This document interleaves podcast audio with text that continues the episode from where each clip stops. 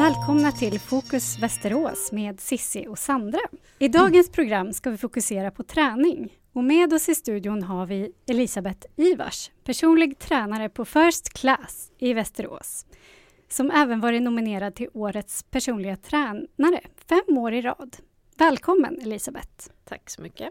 Wow, fem år i rad, det måste jag säga, det är ju, låter som en bedrift. Ja men det är jättekul, framförallt då det är klienter och ja, men de som, som vill nominera, allmänheten som nominerar. Och eh, då känns det extra roligt att få den, den nomineringen och sen så har jag lyckats gå vidare då, ta mig vidare till final.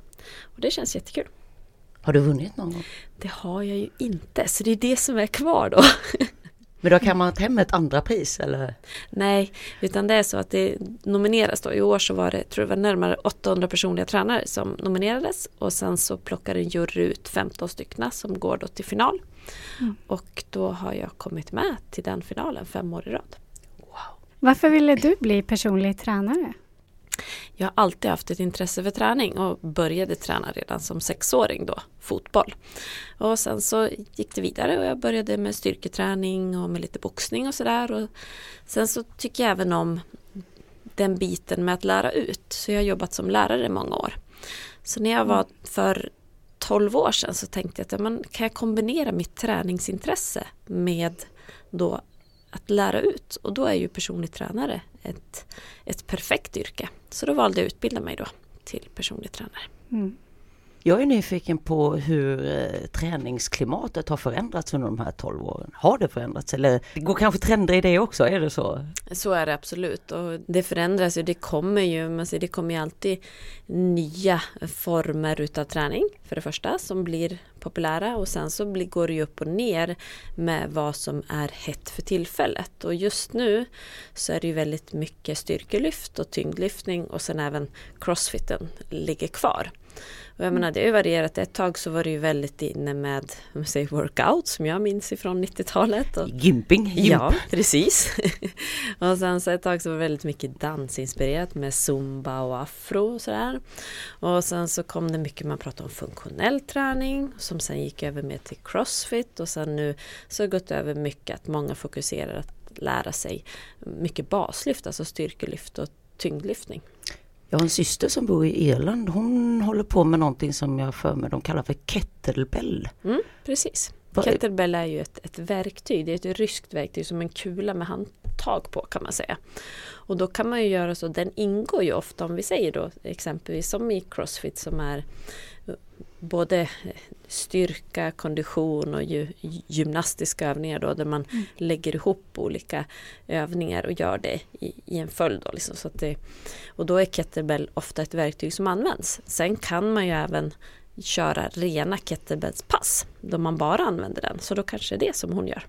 Ja, jag tror det. Hon har en sån här, och jag tänkte trodde att det var någon variation utav eh, de här klassiska hantlarna. Men mm. det är ju inte helt likt eller? Nej, alltså det är ju, när man säger, det är ju ett redskap för att lyfta och för att liksom kunna eh, belasta mer än bara med kroppsvikt. Och det, man kan ju utföra många olika övningar med en kettlebell och man kan använda den som man använder en hantel fast på ytterligare flera sätt kan man säga. Hur ser det ut under året? Är det någon skillnad på när folk vill träna mer eller sådär? Är det, jag tänker på i början av året så här, är det många som vill komma igång och träna? Märker du någon skillnad? Ja, visst är det en skillnad. Man kan framförallt se hur, hur det är med antal besökare på gymmet så blir det betydligt mycket mer då eh, mm. i början utav året. Och då liksom mycket folk som vill komma igång och man kanske har nyårslöften och vill sätta igång där. Och sen så brukar det avta lite grann framåt, framförallt framåt sommaren. Och det kan ju vara att många utför andra former av träning och kan mm. göra utomhusaktiviteter. Men sen är det också så att det, det är de som, som slutar efter ett tag. Men mm. visst är det skillnad på på året. Och man brukar säga att det är som mest då i början på januari, februari. Hur ska den som är ovan komma igång då och börja träna? Ja, det, det beror ju helt och hållet på vad man har för syfte med träningen. För att många frågor blir ju ofta generella. Det som vad är bra träning? Hur ska man komma igång? Vad är bäst att äta? Och det finns inga enkla raka svar på det utan det är ju någonting man måste ställa sig frågan varför ska jag göra det här? Vad är anledningen till att jag behöver komma igång och träna? Är det att man behöver bygga muskulatur och styrketräning? Men då ska man fokusera på det. Det jag brukar säga är att man försöker göra en förändring i taget och gör den bra. För många som kommer kommer ju när de är som mest motiverade och det är ju motivationen som liksom får en att starta men sen är det ju vanan som får en att fortsätta. Mm. Och om man då bestämmer sig som många gör att nu, nu jädrar nu är det nytt år och nu ska jag börja träna och sluta dricka alkohol och eh, ta bort socker och sen samtidigt ska jag sova bra. Så försöker man göra allt det på en gång. Då är det lätt att det blir för mycket i vardagen. Så börja mm. med en förändring. Så om du vill komma igång med träningen så bestäm dig för det, fokusera på det, gör en bra plan. För att det är det som är avgörande, att man har en bra planering. Att nu ska jag träna måndagar och fredagar och så börja med det, implementera det och sen så kan man gå upp om man behöver gå upp i antal tillfällen eller om man ska addera någonting eller om man ska göra, då kanske ändra kosten. Så hitta vad du vill göra och varför du vill göra det så att du har liksom en, en, en klar bild av det. Inte allt på en gång alltså? Nej, det blir lätt att efter fyra veckor och så, så blir man förkyld eller så kommer man säga, här kan jag ju inte leva resten av livet. Jag kan ju inte äta eh, torsk och ris och träna sju dagar i veckan och inte dricka alkohol och inte gå på after work och sen ska jag sova nio timmar per natt. Då blir det övermäktigt och så är det lätt att falla tillbaka och så blir det ett mm. misslyckande. Mm. Att man gör en förändring i taget. Nu ska vi ta en liten paus och lyssna på en låt med Sia, Bird Set Free. Varsågoda. Ja, det var alltså Sia med Bird Set Free. Och eh, här i studion har vi med oss Elisabeth Ivars och vi pratar om träning, men inte bara det, för du har ju, det är så mycket bredare än så. Du berättade här i pausen. Ja, precis. jag pratade om just det att jag tycker att man ska ta in helhetsbegreppet med hälsa. Att mm. det handlar så mycket om även mental träning och hur man, ja men mående både, både fysiskt och mentalt. Och då när det kommer till fysisk aktivitet, träning, kost och hur man tänker och hur man agerar och de psykologiska funktionerna i det också. För det är en väldigt stor del till om då träningen blir mm. av och livsstilsförändringarna. Mm.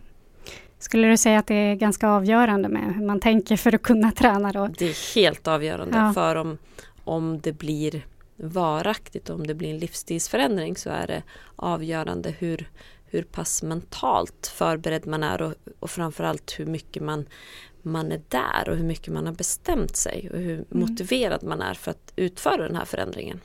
Mm. Är det många som väljer då att fortsätta träna efter de har väl bestämt sig? Så? Eller är det tyvärr så statistiken på, på det är ju inte särskilt bra när man tittar på hur många som, som börjar i ett år och sen, sen fortsätter. Och då mm. handlar det om det här som vi pratar om, att man måste bestämma sig och fundera varför gör jag det här? Och verkligen sätta sig ner och göra upp en plan och veta det här behöver min kropp, det här behöver min hjärna, det här behöver mm. jag och anledningarna till det. Och att jag brukar säga att det är inte ett man har liksom inget val om man ska vara fysiskt aktiv eller inte. För vår kropp är gjord för att röra på sig. Mm. Sen kan man välja hur man gör det.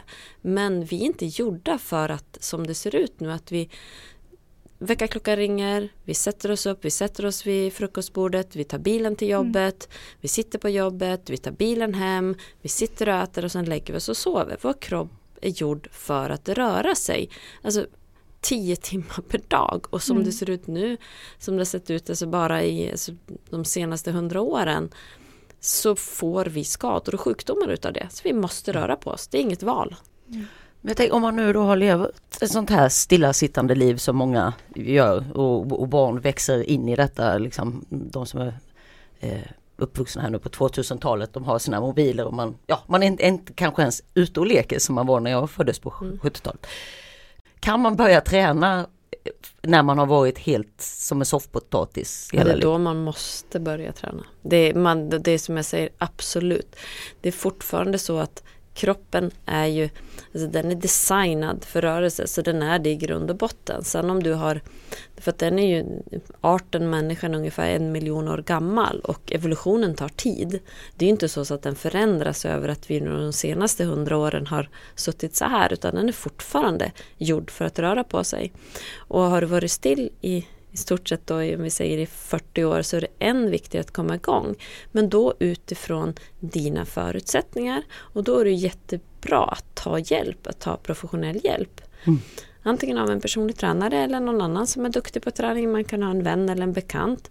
Men att man, även om man inte gör det, utan tar ett första steg att man börjar ta med promenader. Man börjar göra lite rörelse som man säger, att jobba med, inte kanske då behöver inte vara direkt styrketräning utan man kanske börjar med yoga eller man kanske börjar med, med någon annan form av träning, dans. Men att man kommer igång och rör på sig för att det ena leder ofta till det andra. Så att för sent är det aldrig. För som sagt, det är som kroppen sitter och väntar på det. Även om mm. vår hjärna kanske inte känner så, så är det så.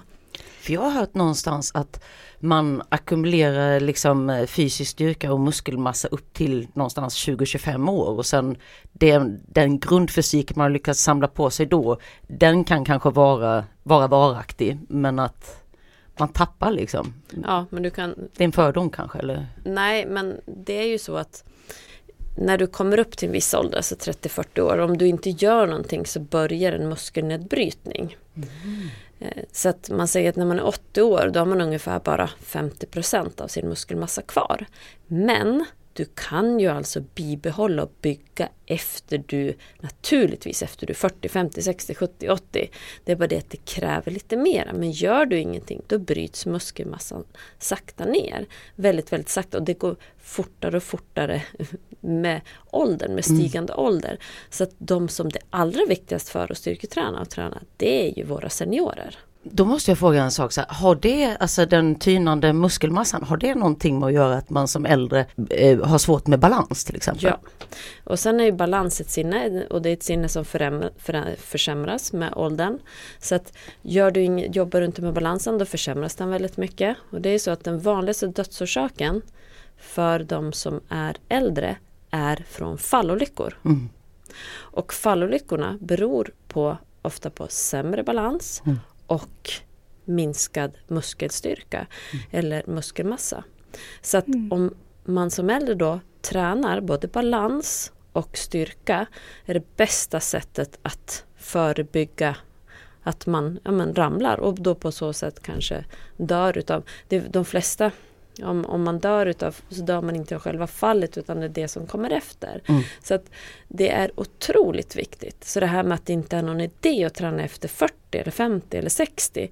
Det är, kan jag avfärda rakt av. Det är då det är viktigt. Har man gjort det när man är 20, 30, 40, ja men då man, man är lättare att kanske ta upp det. Man är, man är lättare att liksom, det går lite fortare att komma in i det rent mentalt.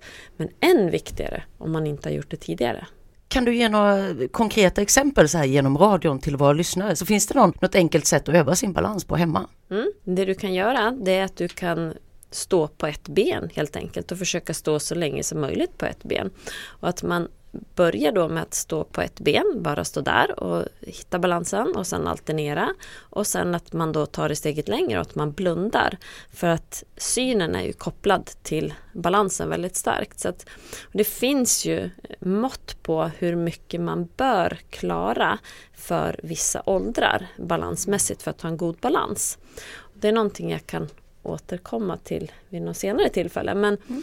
Så det är otroligt, bara som sagt att stå på ett ben, det är ett bra mm. sätt.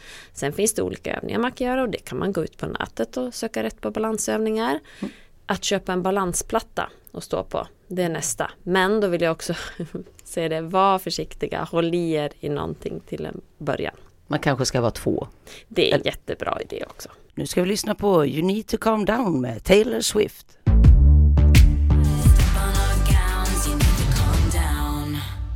Välkomna tillbaka. Eh, med oss i studion har vi Elisabeth Ivers som är personlig tränare. Lär oss eh. mycket om både kropp och hälsa och ja. Eh, den mentala biten. Har Precis. vi fått höra en del om. Vi pratade lite här tidigare om att det är så viktigt att få in träningen för att vi lever ett väldigt stillasittande liv. eh, oftast. Eh, och jag tänkte fråga dig, hur, vad har du för tips för att få in träningen när livet är väldigt stressigt? Ja, där kommer det för det första att prioritera dig själv och din hälsa.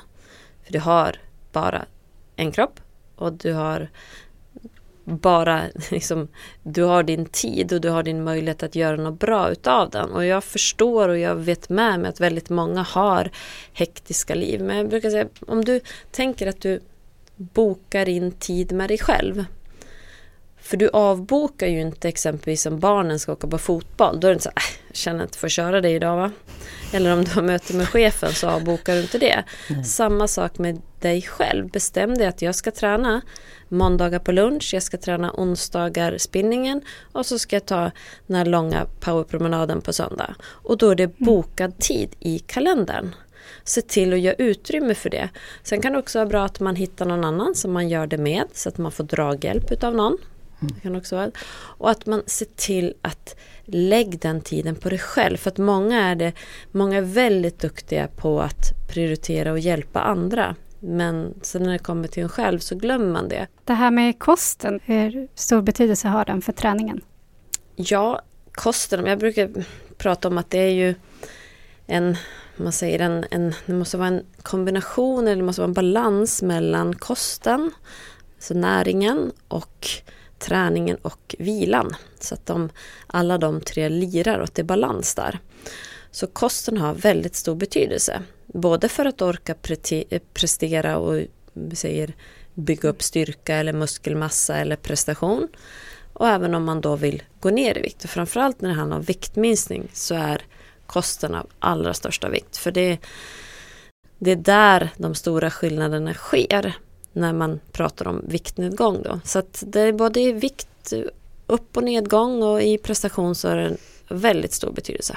Och det kan du hjälpa till med också Absolut. då att lägga upp kostprogram och så? Ja. Och vi kan ju flika in det för er lyssnare att har ni frågeställningar kring ja, kost, hälsa, eh, motivation, vad det nu än må vara som vi har talat om idag, så får ni jättegärna höra av er till oss. För att vi kommer nämligen köra igång en liten serie, mm. är tanken lite längre fram här med per den personliga tränaren Elisabeth Ivars. Så ni hittar ju oss på Facebook, mejla oss där, hör av er på något sätt. Så tar vi upp de frågorna i kommande mm. serie. Yes. Tänkte höra med dig Elisabeth om du har några egna favoritövningar? Ja, Eh, när det gäller den egna träningen så tycker jag mycket om att köra basövningar. Man säger. Övningar som är bra för mer än en muskelgrupp. Som är då både styrkeuppbyggande och sen så jobbar lite med rörlighet och jobbar med balans i kroppen. Och då har vi marklyft som en sån. Och egentligen att man lyfter något tungt, då ofta en sång från marken. Upp till stående position och sen knäböj. När man, om man säger som att man sätter sig på en stol och reser sig upp med vikter. Och sen så har vi en liten bålstabiliserande övning som kallar omvänd planka. De jobbar mm. väldigt mycket med de inre magmusklerna. De som är med och hjälper till och stabiliserar upp så att man har, kan bibehålla och ha en stark core då, alltså hela paketet med rygg och mage. För att det är otroligt viktigt för att undvika ryggsmärta. Mm. Hur ofta tränar du då? Är det varje dag? Två pass om dagen. Ja. Kan man träna för mycket eller? Absolut, visst kan man göra det. Det är, det är inte särskilt vanligt med överträning men visst finns det. Det är betydligt vanligare med att folk tränar ja. för lite. Men man ska även vara uppmärksam på att man tränar för mycket. Om man känner sig orkeslös, man får inga resultat, man tappar i vikt, man märker att man mår inte bra eller att det blir en besatthet istället. Så visst finns risken för det. Men det gäller ju också att ha vila. Sen är det individuellt. Jag har tränat väldigt länge, väldigt mycket. Jag har väldigt bra sömn. Jag ser till att äta utifrån hur jag tränar. Sen beror det också på intensiteten på passen, hur långa passen är, hur man delar upp det. Så att för mig så fungerar det, men mm. man får även lyssna på kroppen när den behöver vila. Får vi tacka dig så jättemycket för att du kom till studion. Elisabeth. Tack så mycket. Nu är det dags för den sista programpunkten av Fokus Västerås med Sissi och Sandra. Och vi har kommit fram till veckans Västerås, våra egna evenemangstips. Varsågod Sandra. Idag tänker jag tipsa om ett par saker. Den 18 februari kan man eh, få konsumentrådgivning på biblioteket. Där kan man ta upp lite olika saker som eh, vad händer om det du har köpt på nätet eller butiken är trasigt och behöver bytas, hur agerar man då? Och lite andra frågor. Det går att eh, komma in och få rådgivning i det mellan 1 och 4.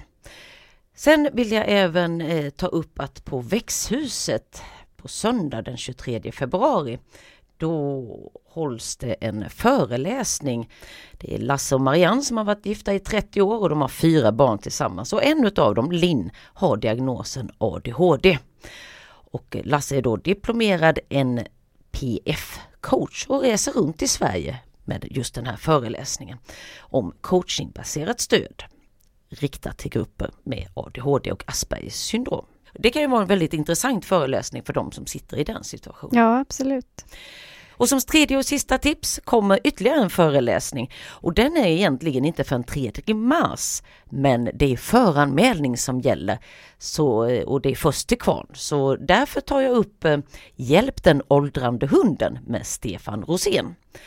Det är Redog i Västerås som håller den och enligt deras utsagor så är den då väldigt populär så att platserna fyller upp snabbt. Därför tipsar vi om den redan idag. Tack så mycket Sandra. Varsågod. Det var allt för oss för denna gång. Men kom ihåg att programmet sänds i repris och att ett nytt avsnitt med oss kommer nästa måndag. Det gör vi. Så vi hörs på måndag. Det gör vi. Hej då!